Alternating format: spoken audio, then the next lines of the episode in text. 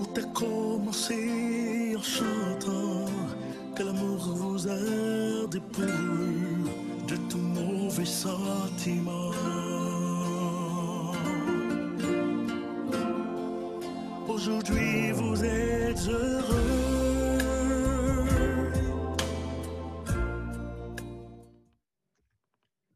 Bonjour à tous. Bonjour euh, à ceux qui sont de l'autre côté de l'Atlantique. Et euh, encore bonjour pour nous qui sommes euh, du côté de l'Europe. Nous sommes encore réunis pour un temps fort, un temps de, comment je peux dire, de webinaire, de masterclass, de, de conférence sur un sujet très important, sur un sujet euh, qui est le célibat, le mariage.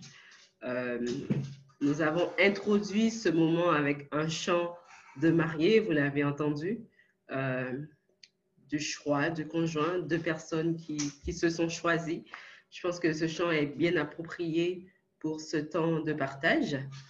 Euh, nous aurons avec nous